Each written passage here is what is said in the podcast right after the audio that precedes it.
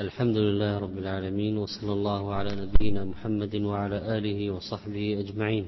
وبعد فقد قال الحافظ ابن حجر العسقلاني رحمه الله تعالى في كتابه بلوغ المرام من أدلة الأحكام باب صلاة الجمعة. والجمعة والجمعة كلاهما صحيح فهي بالتحريك مع الضم اسم الفاعل سبب اجتماع الناس لأن سبب اجتماع الناس يقال جمعة وجمعة اسم مفعول لأن محل اجتماع الناس. والأصل في مشروعيتها من القرآن الكريم قول الله سبحانه وتعالى يا أيها الذين آمنوا إذا نودي للصلاة من يوم الجمعة فاسعوا إلى ذكر الله الآية. ومذاهب الأئمة متفقة على أنها فرض عين بل صلاة الجمعة من أوكد فروض الإسلام ومن أعظم مجامع المسلمين وهي أفضل من صلاة الظهر بلا نزاع. فهي صلاة مستقلة ليست بدلا من الظهر وإنما الظهر بدل عنها إذا فاتت. ويوم الجمعة أفضل أيام الأسبوع خص الله به هذه الأمة ومنعه الأمم السابقة كرما منه لهذه الأمة. وقد قال عليه الصلاة والسلام ما طلعت الشمس ولا غابت عن يوم خير من يوم الجمعة هدانا الله له وضل الناس عنه. واتفق الأئمة على أن الجمعة أكبر فروض الإسلام وأعظم مجامع المسلمين سوى عرفة. ولهذا اليوم خصائص كثيرة جدا. فمن ذلك أن هذه الصلاة آكد الفروض وأنه يستحب فيها في فجرها قراءة سورة السجدة والإنسان وقراءة سورة الكهف في يومها والإكثار من الصلاة على النبي صلى الله عليه وسلم فيه والاغتسال والطيب وإتيان وذلك بعد إتيان الأهل ولبس أحسن الثياب والذهاب إليها مبكرا والاشتغال بالذكر والدعاء إلى حضور الخطيب وقال بعضهم إن النهي عن الصلاة عند زوال الشمس مرتفع يوم الجمعة. النهي هذا وأنه يجوز الصلاة لحديث فصلى ما كتب له أن يصلي. وكذلك فإن فيها ساعة الاستجابة وأقوى الأقوال فيها أن من جلوس الخطيب على المنبر إلى أن تقضى الصلاة وأن وكذلك هي آخر ساعة بعد العصر وتقوم الساعة في يوم الجمعة في صبيحتها ما من دابة إلا وهي مصيخة. وهذا يوم اجتماع المسلمين وهو عيد أسبوعهم يظهر فيه دين الله تعالى وتظهر فيه شعائر الإسلام ودليل على قوة الإيمان في البلد والإسلام وهي غيظ للمنافقين واليهود لأن اجتماع المسلمين إغاظة لأعدائهم. ثم إن فيها وسيلة لتعارف المسلمين وتآلفهم والتعرف على أحوالهم والتشاور وتبادل الآراء النافعة والتعاون على البر والتقوى وتعبير عن وحدة الصف الإسلامي ووسيلة عظيمة لطلب العلم. وكذلك فيها تحضير المسلمين لاستماع هذه الموعظة الأسبوعية التي ترقق قلوبهم وتعلمهم عقيدتهم وأحكام دينهم والفقه وغير ذلك من المقاصد الشرعية الكثيرة. وود أعداء الإسلام لو ألغوا شيئا اسمه صلاة الجمعة ولكن أيهات فإنها فإن الله سبحانه وتعالى جعل في هذا الدين أسباب قوته. ومن هذا صلاة الجمعة التي يجب أن يصليها المسلمون في بلدانهم وهذه الصلاة لها أحكام. والمصنف رحمه الله تعالى سرد طائفة من أحكامها عبر هذه الأحاديث التي ذكرها. فعن عبد الله بن عمر وأبي هريرة رضي الله عنهم أنهما سمع رسول الله صلى الله عليه وسلم يقول على أعواد منبره لينتهين أقوام عن ودعهم الجمعات أو ليختمن الله على قلوبهم ثم ليكونن من الغافلين. رواه مسلم. ومنبر النبي صلى الله عليه وسلم كان فعلا مصنوع من أعواد من أعواد الطرفاء اسم الغابة التي أخذ منها من شجرها هذا المنبر وكان لامرأة النجار استعان بالنبي صلى الله عليه وسلم استعان به لصنع منبره وساهم أفراد المجتمع الإسلامي في الأشياء التي تنفع إقامة الدين تخدم إقامة الدين حتى هذه المرأة التي لها نجار. وصنع منبر النبي صلى الله عليه وسلم فقام عليه فحن الجذع الذي كان يقوم عنده حتى نزل إليه النبي صلى الله عليه وسلم فضمه إليه فسكن كما يسكن الصبي. وسمع صوته من قبل الصحابة لما فقد من الذكر حن. ثم قام عليه الصلاة والسلام لما كثر الناس قام على المنبر وارتفع على هذا المكان والسنة فيه أن يكون ثلاث درجات والمقصود منه أن يرى الناس الخطيبة فيقول وهو على أعواد المنبر النبي عليه الصلاة والسلام لينتهين أقوام عن ودعهم يعني تركهم. الجمعات جمع جمعة والجمعة قالوا إن التاء التي فيها ليست للتأنيث وإنما هي للمبالغة. كما نقول علامة بحاثة هذه تاء المبالغة. لا ما هي العقوبة؟ لينتهين أقوام عن ودعهم الجمعات أو ليختمن الله على قلوبهم. والختم هو الطبع والمقصود أن تصير مغلقة مغلفة فلا يصل إليها نور الهداية والإيمان والخير. وهذا جزاء. لينتهين أقوام عن ودعهم أو ليختمن الله على قلوبهم. تهديد بهذا الجزاء لمن ترك الجمعة. ثم المشهود عليهم بالشقاء. فهذا الحديث إذا نهي شديد عن ترك صلاة الجمعة ووعيد أكيد على ذلك بأن الله يطبع على قلب هذا المتخلف عقوبة الغفلة وينتقم منه بأن ينسيه ذكره. وهذه من أعظم العقوبات أن, أن الإنسان يحرم ذكر الله ويحرم التدبر ويحرم التفكر.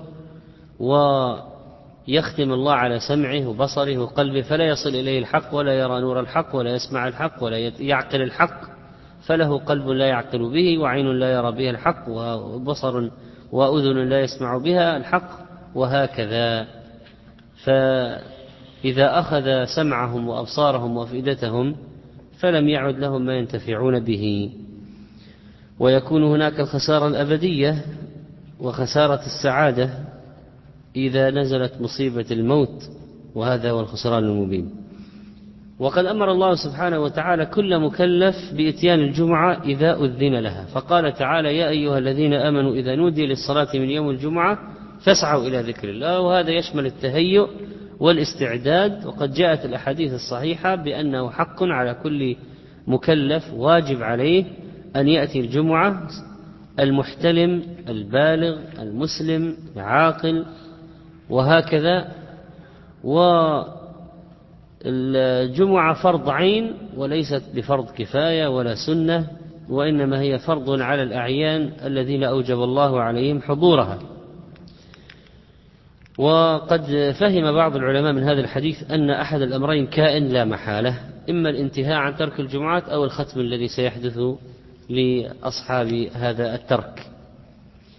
ومن صلى الظهر ممن عليه حضور الجمعة قبل صلاة الإمام أو قبل فراغه لم يصح ظهره. لأنه لو قال واحد أنا تعبان مثلا جاء قبل صلاة الجمعة أصلي الظهر وأنام. هل يكون قد أدى ما عليه وتسقط عنه؟ جواب لا لا تسقط عنه. فكل واحد تجب عليه الجمعة لو صلى الظهر لا تنفعه الظهر.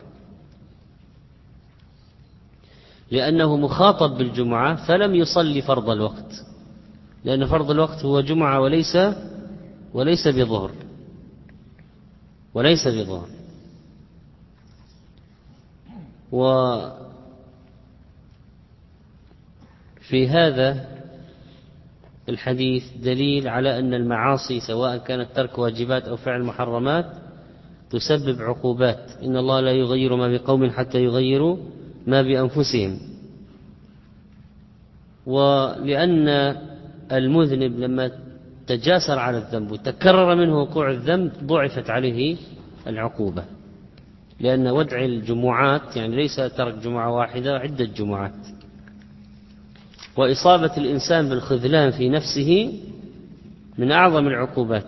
ولا يتنبه لهذا إلا بالموت. لعلي رب ارجعون لعلي أعمل صالحا فيما تركت. كلا. والتشديد في العقوبة يدل على أهمية هذه الصلاة فهي فرض عين. وقوله في هذا الحديث عن ودعهم الجمعات ويكون من الغافلين فيه أن صلاة الجمعة تحيي القلوب وتزيل الغفلة وإذا تركها صار من الغافلين فإذا حضورها لمن أراد الانتفاع يحيي القلب ويذهب الغفلة. وعن سلمة بن الأكوع رضي الله عنه قال كنا نصلي مع رسول الله صلى الله عليه وسلم يوم الجمعة ثم ننصرف وليس للحيطان ظل يستظل به. متفق عليه ولفظ للبخاري وفي لفظ لمسلم كنا نجمع معه إذا نزلت الشمس ثم نرجع نتبع الفيئة. قوله في الحديث الحيطان جمع حائط وهو الجدار. ونجمع يعني نصلي الجمعة. ونتبع أي نطلب والفيء هو الظل بعد الزوال. لأن هناك ظل قبل زوال الشمس يتكون بعد الإشراق وظل بعد الظهر يصير ظل كل شيء مثله ومثليه. فالفيء هو الظل الذي بعد الزوال فلا تسمي الظل الذي يكون في الصباح لا تسميه فيئا في اللغة العربية. فأيهما أعم الظل أم الفيء؟ الظل. هذا الحديث يبين وقت صلاة الجمعة وكذلك الحديث الذي بعده وهو حديث سهل بن سعد رضي الله عنه قال ما كنا نقيل ولا نتغدى إلا بعد الجمعة متفق عليه واللفظ لمسلم وفي رواية في عهد رسول الله صلى الله عليه وسلم. نقيل من القيلولة وهي استراحة نصف النهار. وقد قال الله تعالى أصحاب الجنة يومئذ خير مستقرا وأحسن مقيلا. ولذلك يعني بعد الظهر أهل الجنة في الجنة. ويوم القيامة يوم طويل. بعد الظهر أهل الجنة في الجنة. أكيد. لأن الله قال أصحاب الجنة يومئذ خير مستقرا وأحسن مقيلا. وهذا بلسان عربي مبين. والمقيل من القيلولة القيلولة في لغة العرب معروف متى تكون. استراحة القائلة. استراحة نصف النهار. والجنة هل فيها نوم؟ لا لا يوجد فيها نوم. فإذا المقصود هنا أنهم يكونون في هذا الوقت في الجنة في وقت القائلة في الجنة. وقت القائلة المعتاد يكون أهل الجنة في الجنة. وقوله نتغدى من الغداء وهو الطعام الذي يؤكل في أول النهار. أو في وسط النهار لأنه إذا أكل بعد ذلك صار عشاء عند العرب. فهو غير يختلف قليلا عن الغداء الذي نعرفه اليوم. وكذلك العشاء طعام العشاء يختلف عما نعرفه ليس كالذي نعرفه اليوم. فأنه كانت لهم وجبتان واحدة في أول النهار واحدة في آخر النهار فقط. فكانوا يطعمون قبل أن ينطلقوا إلى أعمالهم في الصباح وبعد المغرب إذا رجعوا. ثم ينامون بعد العشاء. هذان الحديثان يدلان على وقت صلاة الجمعة. فالأول صريح في أن النبي صلى الله عليه وسلم يصلي بأصحاب صلاة الجمعة تارة إذا زالت الشمس وتارة ينصرفون من الخطبتين والصلاة وما لها من السنن وليس للحيطان ظل يستظل به. إذا ترى يصليها بعد الزوال وتارة يصلي قبلها لأن إذا لم تكن إذا انصرفوا وليس لها ظل دل ذلك على أن بدأ بها قبل. وأما الحديث سهل فهو صريح أنهم ما كانوا يقيلون ويتغدون إلا بعد الجمعة مما يدل على أنهم يصلونها قبل الزوال لأن القيلولة والراحة لا تكون إلا بعد الظهر ولا يسمى غداء ولا قائلة إلا بعد الزوال. فإذا كانوا يبدأون بصلاة الجمعة قبل القيلولة. لكن الآن ما هو وقت صلاة الجمعة؟ متى يبدأ متى ينتهي؟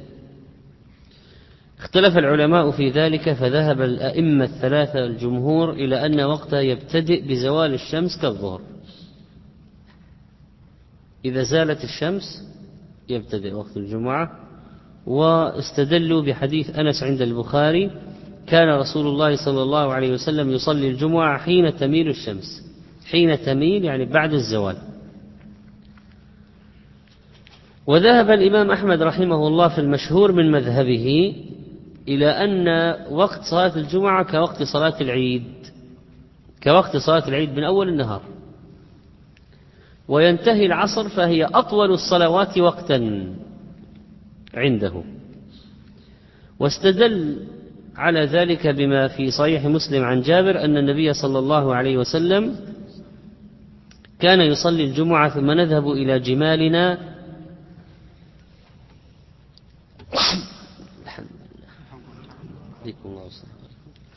ثم نذهب إلى جمالنا فنريحها حين تزول الشمس.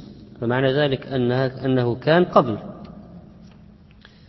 وقد أجاب الجمهور عن هذا الحديث بإجابات قد لا تكون مقنعة. وحديث أنس الذي في البخاري لا ينافي حديث جابر الذي في مسلم. يمكن الجمع بأن يقال إنه صلى الله عليه وسلم كان يصليها تارة قبل الزوال وتارة بعد الزوال. فهناك أدلة قوية على جواز صلاتها قبل الزوال. هذا الشاهد. ولكن الإنسان إذا أراد أن يأخذ بالأحوط والوقت الذي أجمع عليه المسلمون فهو بعد الزوال ولا شك أن عدم التفرق أولى وأحسن. والاجتماع ما دام هذا رأي كل العلماء أنها بعد الزوال كل متفقون عليه قبل اختلفوا فيه. فإذا ليصليها ويحرص يصليها بعد الزوال. وعن جابر رضي الله عنه أن النبي صلى الله عليه وسلم كان يخطب قائما فجاءت عير من الشام فانفتل الناس إليها حتى لم يبق إلا اثنا عشر رجلا. رواه مسلم. العير الإبل المحملة. ولا واحد لهذا من لفظه. عير تدل على الجمع لكن ما لها لفظ. مثل النساء ما ليس لها مفرد من لفظها كما أن امرأة ليس لها جمع من لفظها. فانفتل الناس وانصرفوا عن سماع الخطبة وخرجوا من المسجد للقاء العير إلا اثنا عشر رجلا. لا هذا حديث ماذا يفيدنا؟ أنه لو بقي في المسجد 12 رجل تقوم بهم الجمعة. تقوم بهم الجمعة. والنبي صلى الله عليه وسلم كان يخطب والله سمى الخطبة والصلاة ذكر فقال فاسعوا إلى ذكر الله وأكثر المفسرين على أنها الخطبة وهي واجبة. ويؤخذ بالحديث هذا أن الخطيب يقوم ويخطب قائما لا قاعدا.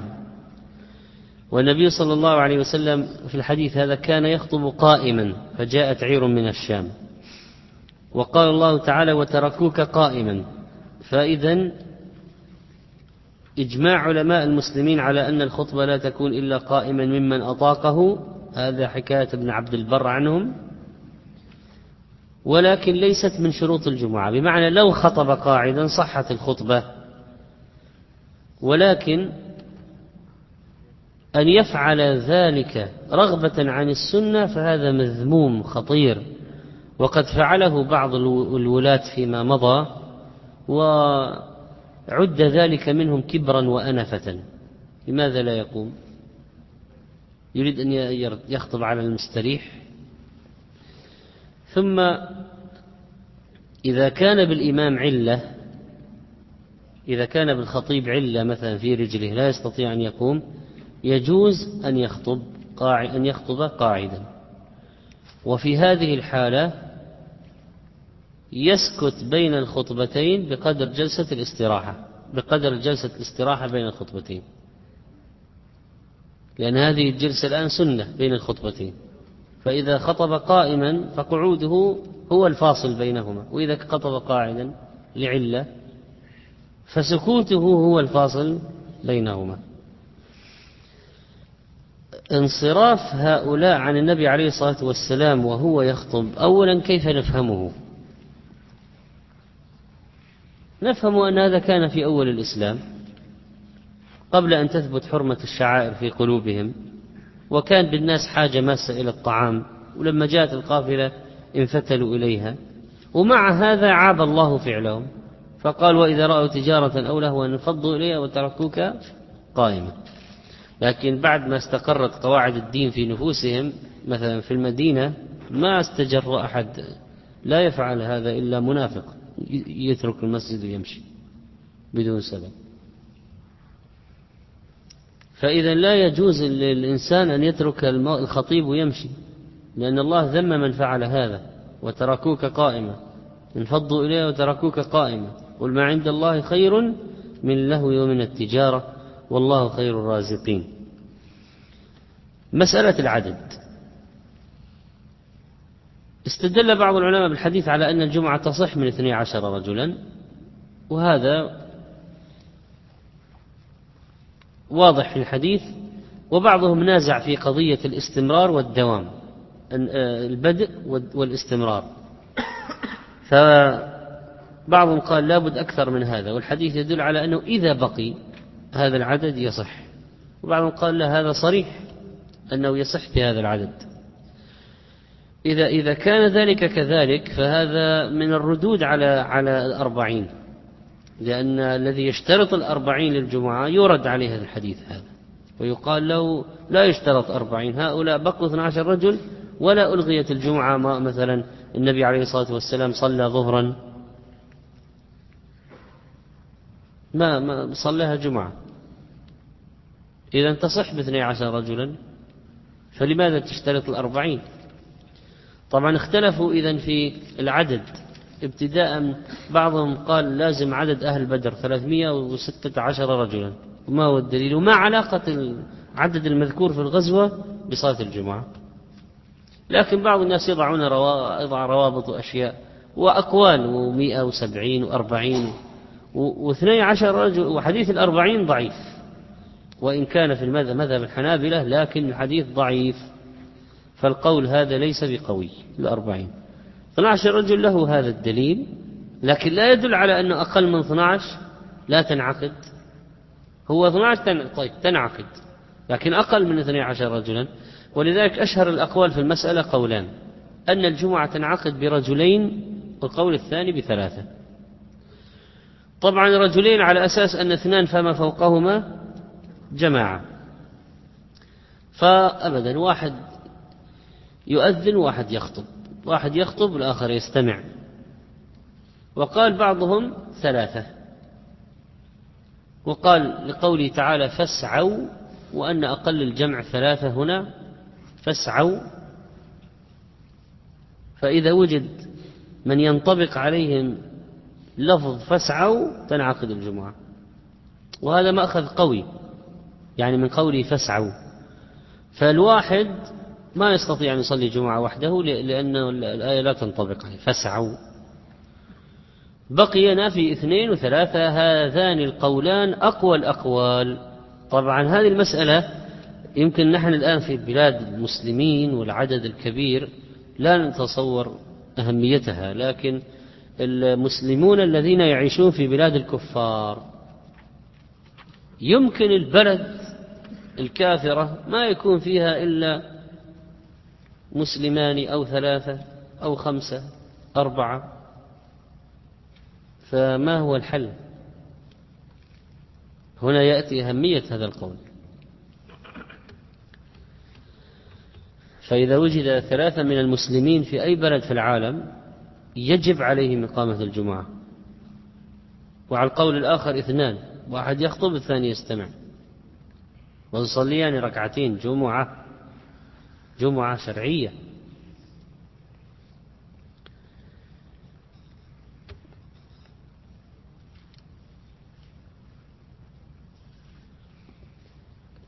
ونحن نعلم بأن الجمعة لا تجب على غير المستوطن فلو كانوا جماعة في بر أو في رحلة في سفر لا يصلون جمعة عند جمهور العلماء.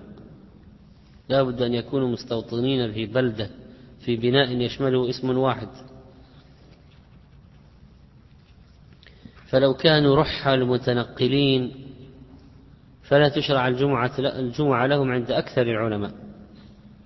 وأجاز بعضهم إقامتها في البر وما شابه ذلك لكن أكثر العلماء أنها لا تقام إلا في البلد لا بد عندهم شرط المسجد في البلد.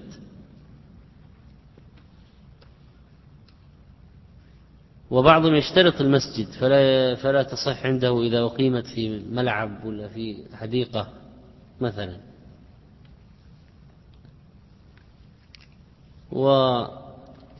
وتكلموا في قضية إقامة الجمعة في السجن وفي بعض الأماكن وإذا لم يوجد مسجد.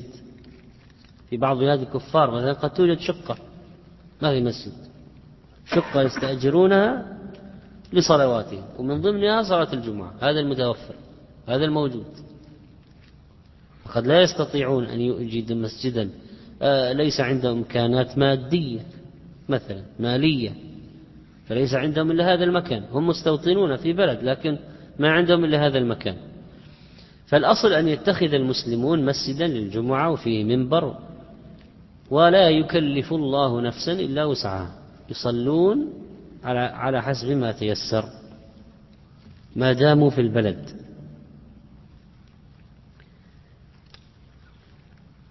وعن ابن عمر رضي الله عنهما قال قال رسول الله صلى الله عليه وسلم من أدرك ركعة من صلاة الجمعة وغيرها فليضف إليها أخرى وقد تمت صلاته. رواه النسائي وابن ماجه والدار قطني واللفظ له وإسناده صحيح لكن قوى أبو حاتم إرساله.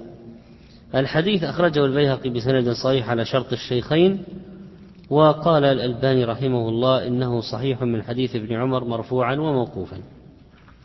بذكر الجمعة. من أدرك ركعة من صلاة الجمعة. وقوله فليضف إليها أخرى إضافة الشيء إلى الشيء إذا ضمه إليه.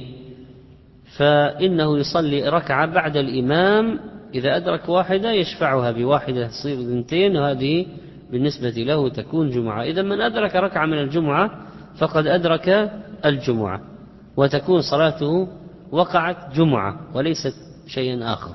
لا ظهر ولا نفل وقعت جمعة. مفهوم الحديث أن الذي لم يدرك مع الإمام ركعة لا تقع له جمعة فإذا جاء بعد الرفع من ركوع الركعة الثانية. إذا جاء بعد الرفع من ركوع الركعة الثانية فاتته صلاة الجمعة. وعليه أن يصليها ظهرا يدخل مع الإمام ويقوم يصلي بعده أربع ركعات.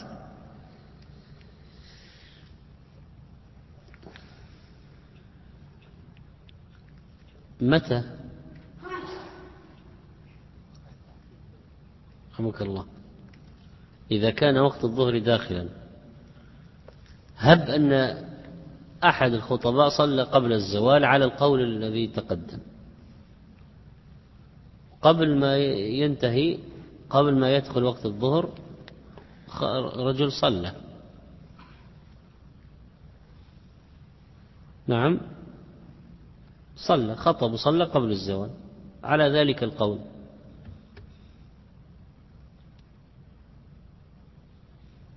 جاء واحد في التشهد الأخير. ماذا ينوي؟ خلاص لا جمعة ولا ظهر. نفل. لا جمعة ولا ظهر. فيصلي الظهر بعد ذلك. هذه فائدة هذا البحث. وهذا الحديث يبين الفيصل في ما كيف يدرك متى يدرك الإنسان الجمعة ومتى تفوته. قال شيخ الإسلام تيمية رحمه الله مضت السنة أن من أدرك ركعة من الصلاة فقد أدرك الصلاة عموما. أي صلاة؟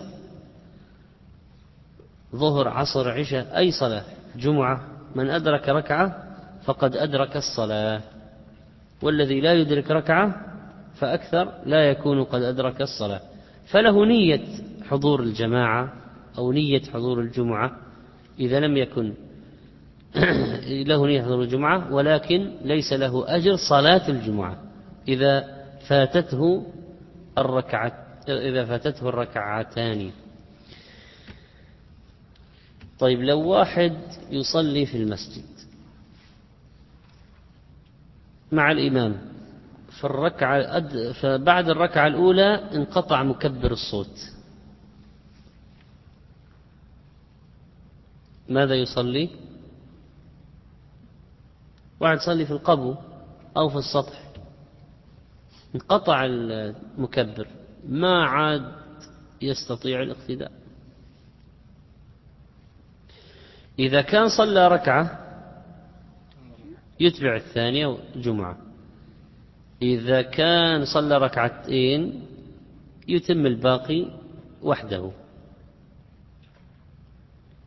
والركعة يضيف إليها أخرى. وإذا انقطع في أول الصلاة ولم يستطع الاقتداء ليس له إلا أن يصلي ظهرا. الشاهد هذا هو هذه فائدة البحث. في مثل هذه الأحوال ماذا يفعل الإنسان؟ وعن جابر بن سمرة رضي الله عنه أن النبي صلى الله عليه وسلم كان يخطب قائما يجلس ثم يقوم فيخطب قائما فمن أنبأك أنه كان يخطب جالسا فقد كذب. رواه مسلم. فإذا هذا القيام بالنسبة للخطيب وقد قال الله تعالى وتركوك قائما وهذا القيام في الخطبة له فوائد كثيرة من إظهار القوة والنشاط وهو أدعى للحماس عند الإلقاء وأدعى لإسماع الحاضرين وإبلاغهم وجذبهم إلى الخطبة وهو من اتباع السنة وامتثال القرآن. والمستحب أن يجلس بين الخطبتين جلسة خفيفة ليفصل بين الخطبتين وليستريح وليتبع السنة. هذه جلسة خفيفة قدرها بعض العلماء بقدر قراءة سورة الإخلاص. قال بعضهم دقيقة. بقدر قراءة سورة الإخلاص. والنبي عليه الصلاة والسلام ما كان يخطب جالسا أبدا. ولذلك هذا الصحابي لما لاحظ له لاحظ أن بعض الناس بعد النبي عليه الصلاة والسلام أرادوا أو فعلوا الخطبة قاعدا فقاعد فأراد أن يكذب من زعم أن النبي عليه الصلاة والسلام يخطب جالسا وأن السنة القيام وهذا أهمية الحرص عليها والقيام سنة مؤكدة عند جمهور العلماء وذهب مالك إلى وجوبه والشافعي قال شرط من شروط صحة الخطبة. ولذلك لا يحافظ عليه المسلم.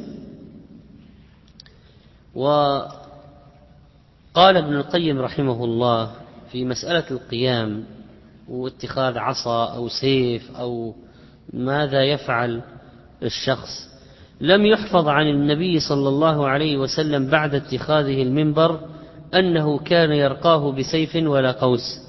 وكثير من الجهل يظن أنه يحمل السيف على المنبر إشارة إلى أن الدين إنما قام بالسيف وهذا جهل قبيح من وجهين. إذا واحد قال السنة أن الخطيب يمسك سيف على المنبر. ليه؟ قال أن الدين قام بالسيف. فيقول ابن القيم هذا جهل قبيح من وجهين. أحدهما أن المحفوظ أنه إنما كان الاتكاء على العصا أو القوس وليس على سيف. الثاني أن الدين إنما قام بالوحي.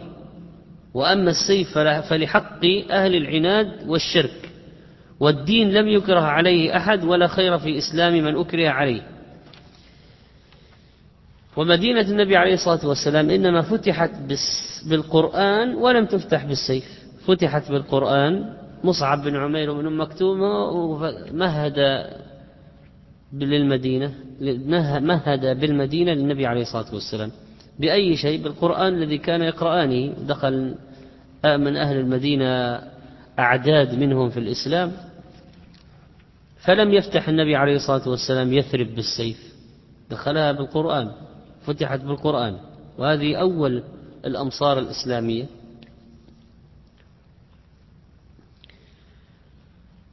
وإذا لو اتكأ الخطيب على خشب المنبر اتكأ عليه له وجه. اتكأ على خشب المنبر له وجه. وقضية العصا هذه تحتاج إلى ثبوت الحديث. وهل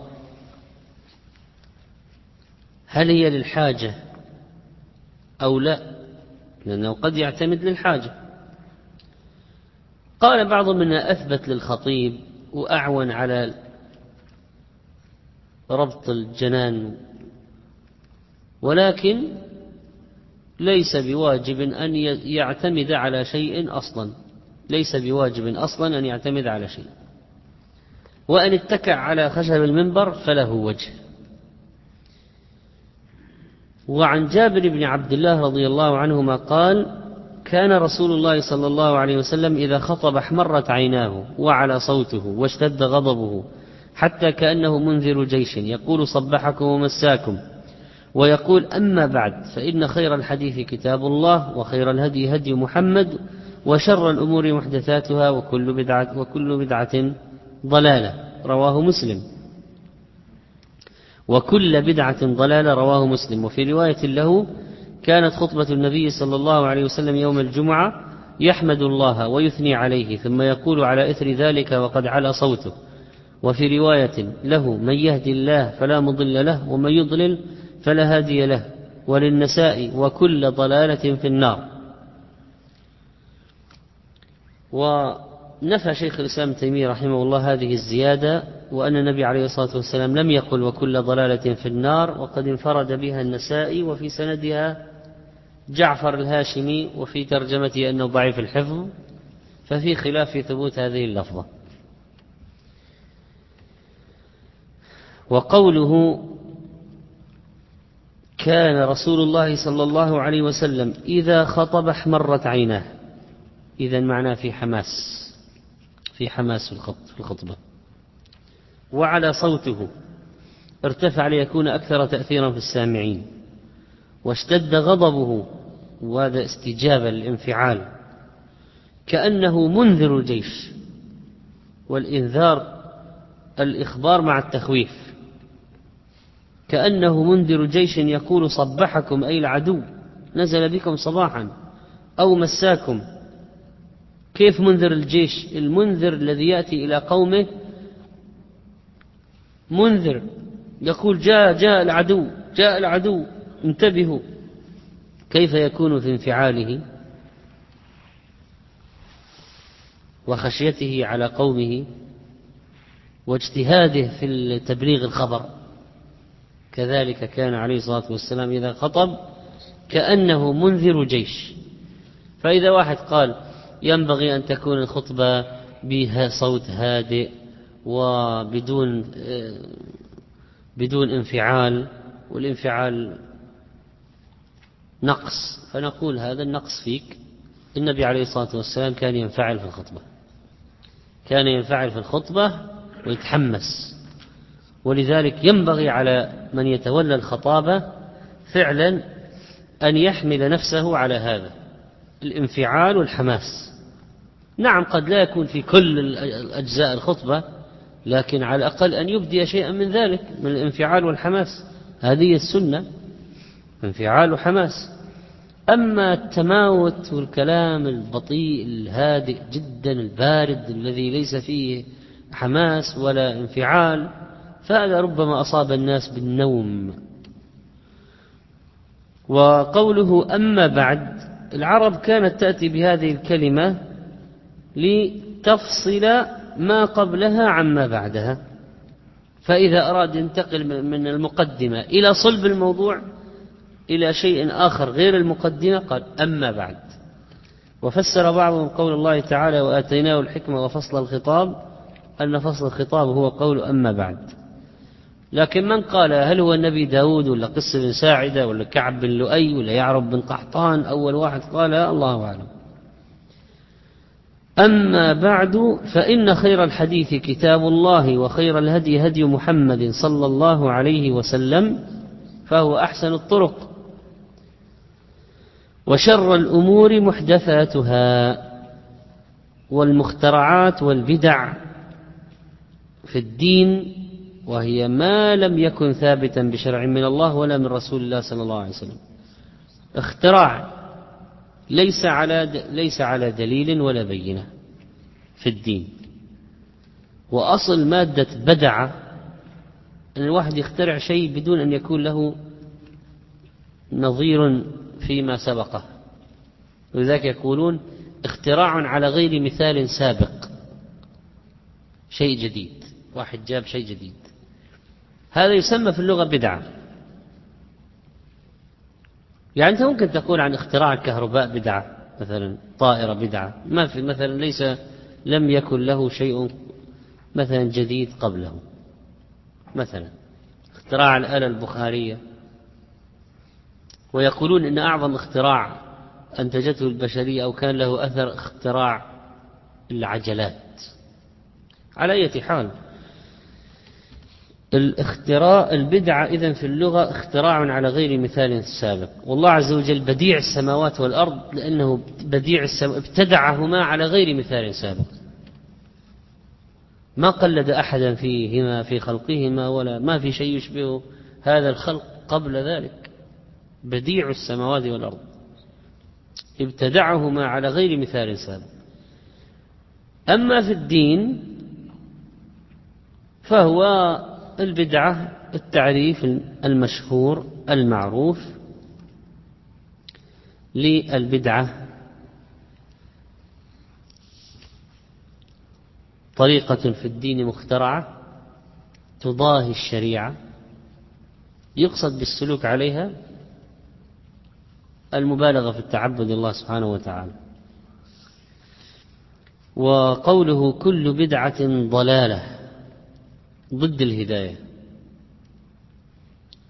الحديث هذا ماذا فيه؟ مشروعية الخطبتين. ويشترط لصحة صلاة الجمعة تقدم خطبتين. هذا قول جمهور أهل العلم. يشترط. ما في صلاة جمعة بدون خطبة. لا بد من خطبة. لا بد من خطبتين قبلها لا بعدها.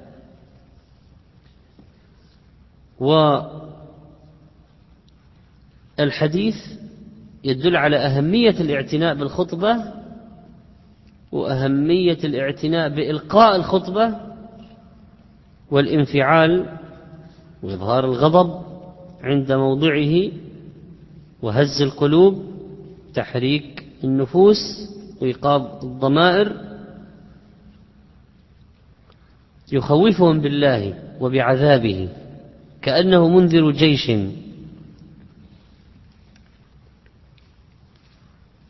يحذرهم من عذاب ينزل بهم أو من عدو. كما كان يحذر النذير العريان ربما في العرب من قديم.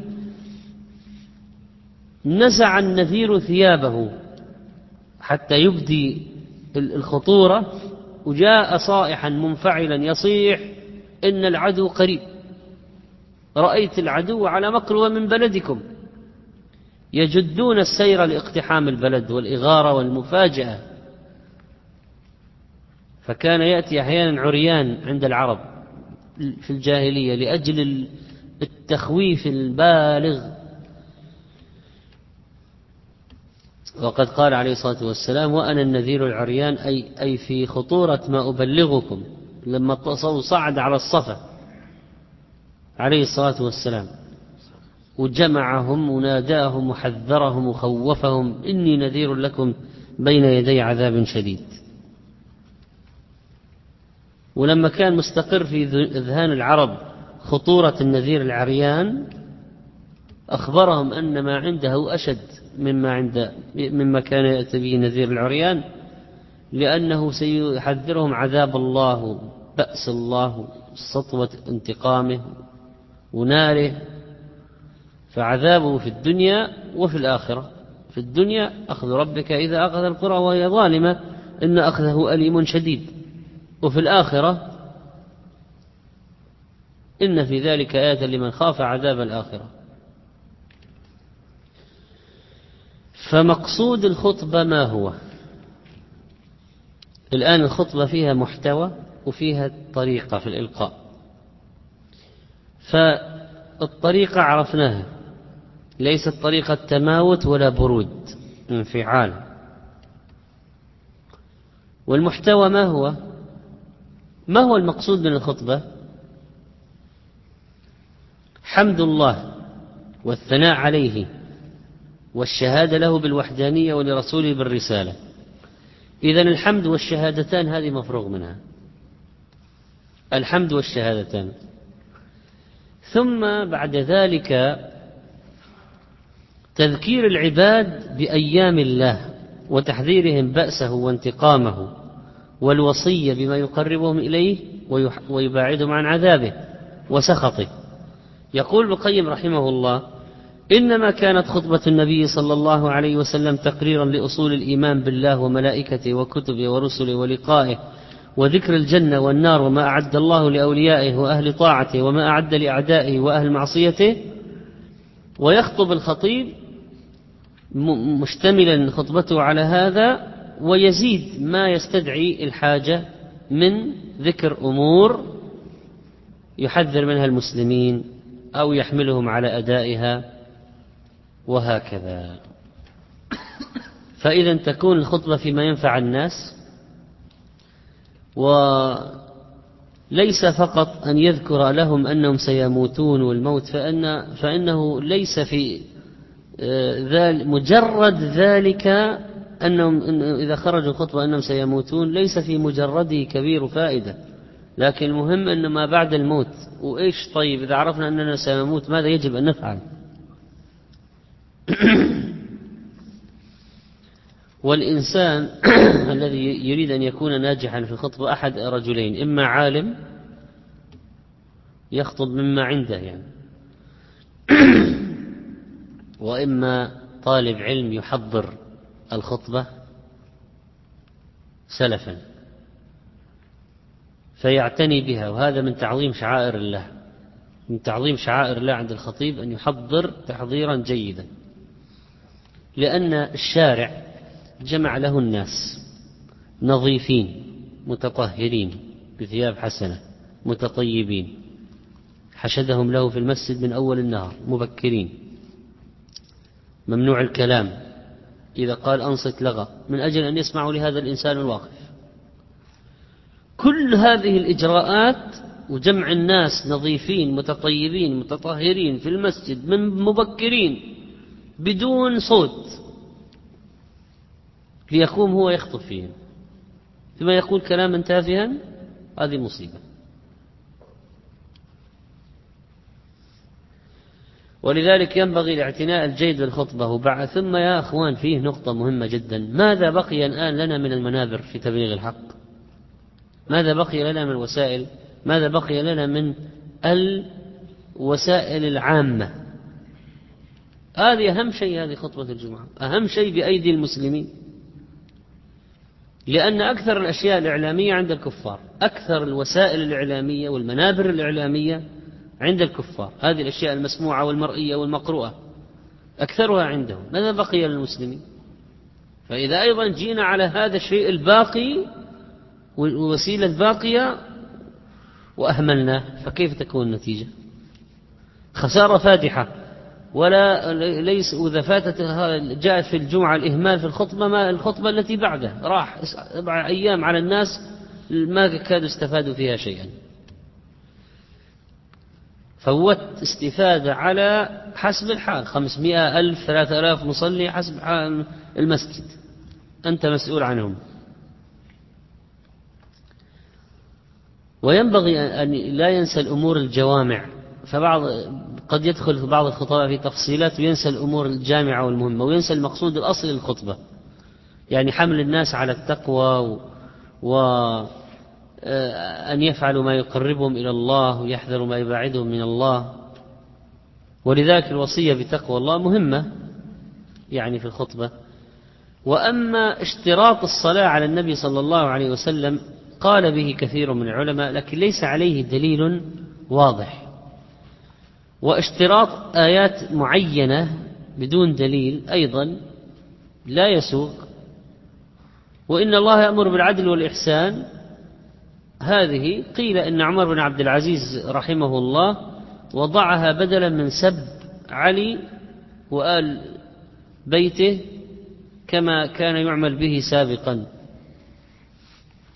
يعني مما كان عند بعض بني أمية مثلا من سب علي في المنبر فلما جاء عمر بن عبد العزيز حذف الفقرة هذه فقرة السب وقال بدلا منها إن الله يأمر بالعدل والإحسان وإيتاء ذي القربى الآية.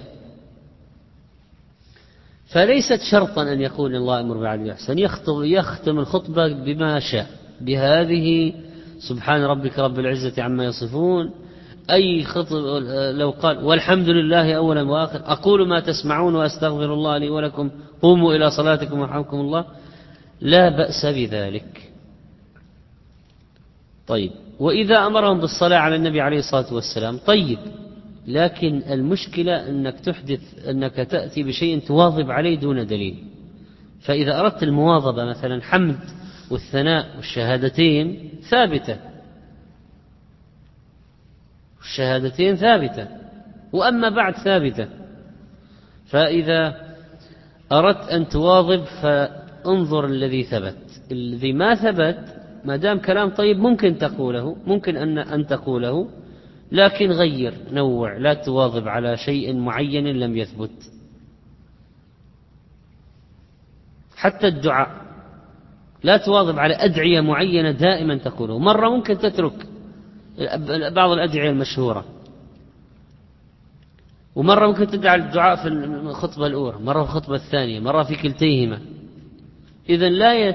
لا حتى لا يتوهم الناس أن هذا هو الثابت الذي لا بد منه. لو واظب دائما الله يمر على الإحسان دائما يتصور الناس خلاص هذا هو الدين. لو ما قال الله هذه فاذكروا الله العظيم الجليل اذكركم واشكروا على نعمه يزدكم. إذا واظب عليها تصور الناس خلاص أن هذا من وهكذا. فإذا ينوع في الأدعية ينوع في مكان الأدعية. ولا يواظب إلا على ما ثبت.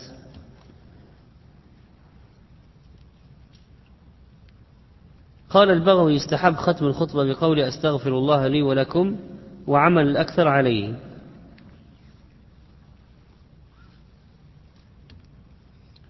وقوله عليه الصلاة والسلام وكل بدعة ضلالة معناها أنه كان يحذر الناس يوم الجمعة في الخطبة من البدع. وهي الضلالة سبب لدخول النار. سبب عظيم لدخول جهنم. والبدعة عند أحب إلى إبليس من المعصية لأنها تنتشر وتهلك أكثر من المعصية التي قد تكون فردية.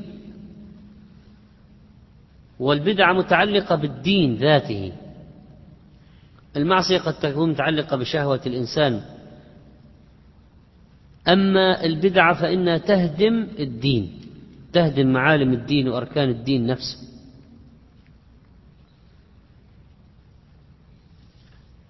وينبغي كذلك للخطيب والإمام كما قلنا أن لا يلازم الأحكام المستحبة في كل صلاة أو في كل خطبة حتى لا يعتقد العامة وجوب ذلك.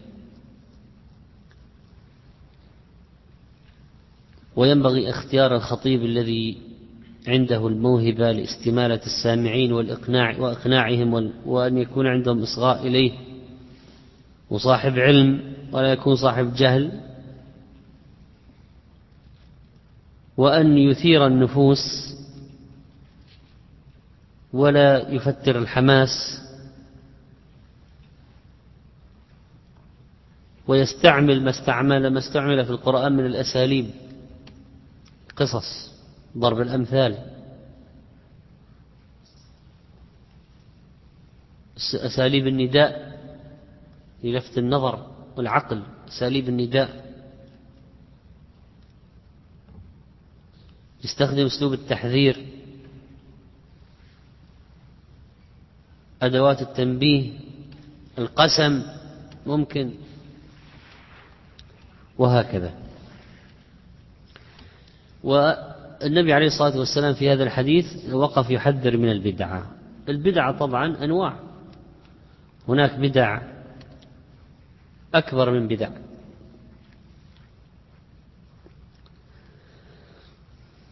فأحيانا تكون بدعة خط منهج كامل منحرف.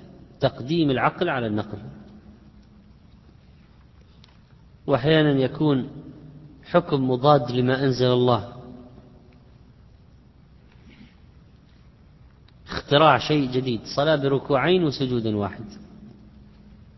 يبدأ بالتسليم ينتهي بالتكبير. بدعة مخالفة مناقضة عكس الشارع. هذه بدعة حقيقية يسعى بين الجبلين غير الصفا والمروة. وقد تكون البدعة إضافية فلها من الأدلة تعلق فدليلها من جهة الأصل قائم لكن فيها كيفيات وأحوال وتفاصيل لم تثبت.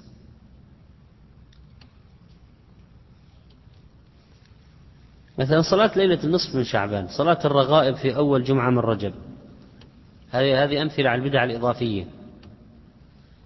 فالصلاة أصلا مشروعة. وما جاب ما ما ما عمل عبادة مخترعة بالكلية. الصلاة مشروعة. لكن بهذا التوقيت بهذا العدد بهذه الصفة تكون بدعة. قال النووي صلاة رجب وشعبان بدعتان قبيحتان مذمومتان. فأنت الآن ليلة النصف من شعبان تفعل كما تفعل في بقية الليالي. ما تخصها بشيء لم يثبت. مثلا واحد يزيد الركعات ليلة نصف من شعبان لماذا؟ زيادة الركعات هذه بدعة. لأن تخصيص الزمان والمكان بعبادة مش من حق الناس من حق الله عز وجل. تخصيص زمان معين أو مكان معين بعبادة تخصيص هذا من حق الله. لأن هذا تشريع أليس كذلك؟ التشريع هذا. تحديد أعداد معينة هيئات معينة. التحديد هذا تشريع والتشريع حق لله. فأي واحد يحدد للناس عبادة يجي يقول الذكر هذا تقولوه مثلا سبعة وثلاثين مرة. ليش التحديد والتحديد يدل على اعتقاد أفضلية لأنه ما حدد العدد إلا هو يعتقد أفضلية هذا العدد. إذا البدعة مبنية على اعتقاد فاسد البدعة مبنية على أن تنطوي على اعتداء على حق الشارع الحكيم وعلى آه، في في لأنه تشريع والتحديد تحت تشريع. تحديد زمن معين مكان معين صفة معينة هيئة معينة عدد معين. لم يرد به الشرع. تحديده والعمل عليه بدعة لأنك اعتديت على المبتدى اعتدى على حق الله في التشريع. والأصل في العبادات المنع حتى يرد الدليل على المشروعية. الأصل في العبادات المنع أن ما في ما تسوي العبادة هذا الأصل. حتى يرد الدليل على مشروعيتها. فبعض الناس يقرأ في كتب يطبق ولا يعرف صحيح خطأ ثابت ما يقرأ. دعاء يوم السبت دعاء يوم الأحد دعاء يوم الاثنين. أدعية على أيام ما هو الدليل؟ ما في دليل. صحيح؟ ما في وهكذا. إذا النبي عليه الصلاة والسلام حذر من هذا فيجب الانتباه إليه وكان يقول في خطبة الجمعة باستمرار كل ذلك دليل على خطورة البدعة وتأكيد على الانتباه لهذه المسألة. وعن عمار بن ياسر رضي الله عنه قال سمعت رسول الله صلى الله عليه وسلم يقول إن طول صلاة الرجل وقصر خطبته مئنة من فقهه. القصر التقصير ومئنة يعني مظنة يعني علامة ودلالة على فقهه وهو الفهم أحكام الدين. فإذا يستحب تقصير الخطبة وإيجاز الخطبة. و استحباب إطالة صلاة الجمعة الطول الذي لا يشق على العاجز الضعيف والمريض وذي الحاجة.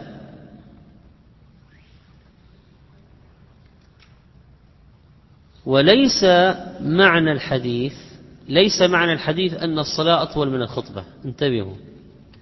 ليس معنى الحديث أن الصلاة أطول من الخطبة.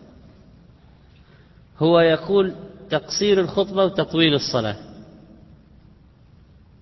لكن ليس معناها أن الخطبة أقصر من الصلاة. أنت الآن لك لو تأملت يعني قراءة سبح والغاشية في ركعتين كم وقت تأخذ؟ عشر دقائق الصلاة كلها. إذا أردت تعمل خطبة إذا فهمت أن الخطبة أقصر من الصلاة مشكلة. فالمقصود إذن أن يوجز الخطيب يستعمل البلاغة البيان الفصاحة الاختصار. وليس المقصود أن يجعل خطبته أقل من صلاته وأقصر من صلاته. ليس المقصود. والناس إذا احتاجوا إلى مزيد بيان يفعله الإنسان. والنبي عليه الصلاة والسلام خطب مرة بهم من الصباح إلى المغرب. فإذا التطويل والتقصير في الخطبة بحسب ما يحتاجه الناس. ولكن لا يملهم هذا بالتأكيد يعني في جميع الحالات لا يملهم. لكن إذا احتاج الناس إلى مزيد بيان خصوصا في وقت الجهل الذي ربما لا يكون عند الناس ما فرصة يسمعون بها شيئا عن الدين إلا خطبة الجمعة. هذا المنفذ الوحيد والفرصة الوحيدة والمناسبة الوحيدة التي يسمعون فيها شيئا دينيا. بقية أيام الأسبوع كلها. ليسوا مثل عصر النبي عليه الصلاة والسلام. الناس يأتونه في الصباح في المسجد وفي الظهر والعصر والمغرب يتعلمون منه كل يوم كل يوم. أبو طلحة يروح الصباح يرجع الظهر ثم يقيلوا له غدا ويرجع مرة أخرى ثم يأتي ويرجع في المساء. في الليل إلى بيته. الصحابة كذا كانوا يأتون مسجد في الصباح ويرجعون. كل يوم يسمعون أشياء جديدة يتعلمون. لكن الناس الآن كثير منهم من جمهور الجمعة وليس من جمهور الصلوات الخمس ما عنده إلا هذا الفرصة هذه التي يسمع فيها. فينبغي حشد أكبر ما يمكن من المواعظ والعلم في هذا الخطبة حتى خطب ليتعلم الناس يتعلم الناس الدين وكذلك فإنه يوجز قدر الإمكان فلا يسهب في شيء لا يحتاج إلى إسهاب ولا يشق عليهم ولا يملهم. إذا متفق على قضية أن لا يشق عليهم وأن لا يملهم وأن لا يفصل ما لا يحتاج إلى تفصيل وأن يأتي بالمقصود الأساسي من الخطبة. وعظ الناس الوعظ ترى مقصود أساسي في الخطبة الوعظ. فأحيانا بعضهم قد يسوق خطبة كلها أحكام فقهية كلها وينسى الوعظ. الوعظ لا بد منه على الأقل في جزء من الخطبة يكون فيها موعظة.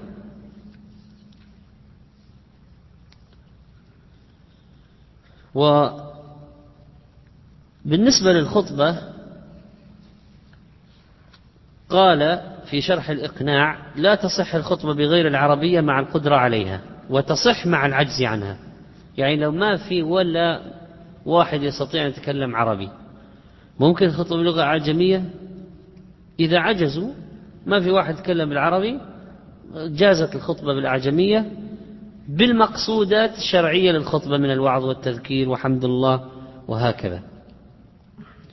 أما إذا جاء لجئنا إلى لفظ القرآن لا بد أن يكون بالعربية. وكذلك فإنه يجوز الخطيب أن يترجم الخطبة للناس. مثلا واحد يخطب في بلاد الغرب أو في بلاد أعاجم. لا بأس أن يترجم لهم الخطبة. ويجوز أن تكون الترجمة في وسط الخطبة أو في آخر الخطبة أو بعد الصلاة. فمثلا لو قرأ قال مقطع بالعربية ثم ترجمة ثم مقطع بالعربية ثم ترجمة ثم مقطع بالعربية ثم ترجمة وهكذا صح. ولو قال جزء نصف الخطبة بالعربي نصف الخطبة ترجمة نصف الخطبة الثاني ترجمة له جاز. ولو قال الخطبة كلها بالعربي وبعد الصلاة ترجم لهم جاز. ولو جعل الخطبة الأولى عربية والثانية أعجمية جاز. لا بأس بذلك. حسب المصلحة حسب مصلحة الناس يفعل. حسب مصلحة الناس يفعل. ولو أتى بالمقاصد الأساسية للخطبة من الحمد والشهادتين والثناء على الله والأمر بالتقوى إلى آخره بالعربي وأتى بعد ذلك بتفصيل في بلغة القوم جاز ذلك أيضا. و لا ينسى أن يكون هناك آيات من القرآن في الخطبة لأن تحريك القلوب بالقرآن أمر مهم للغاية ولا يوجد مثل القرآن في التأثير أبدا.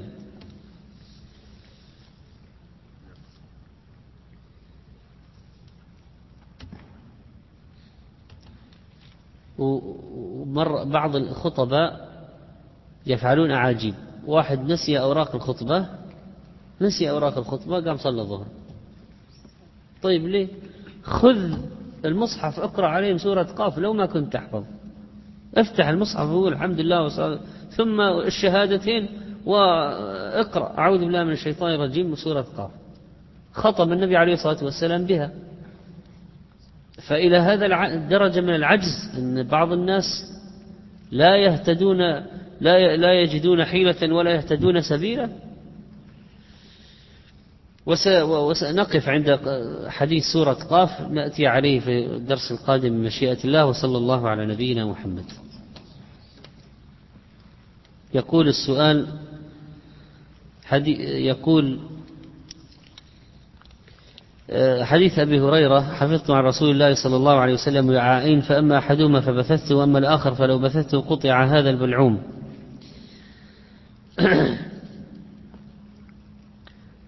ما هو هذا الوعاء الثاني الذي لو بثه قطع هذا البلعوم؟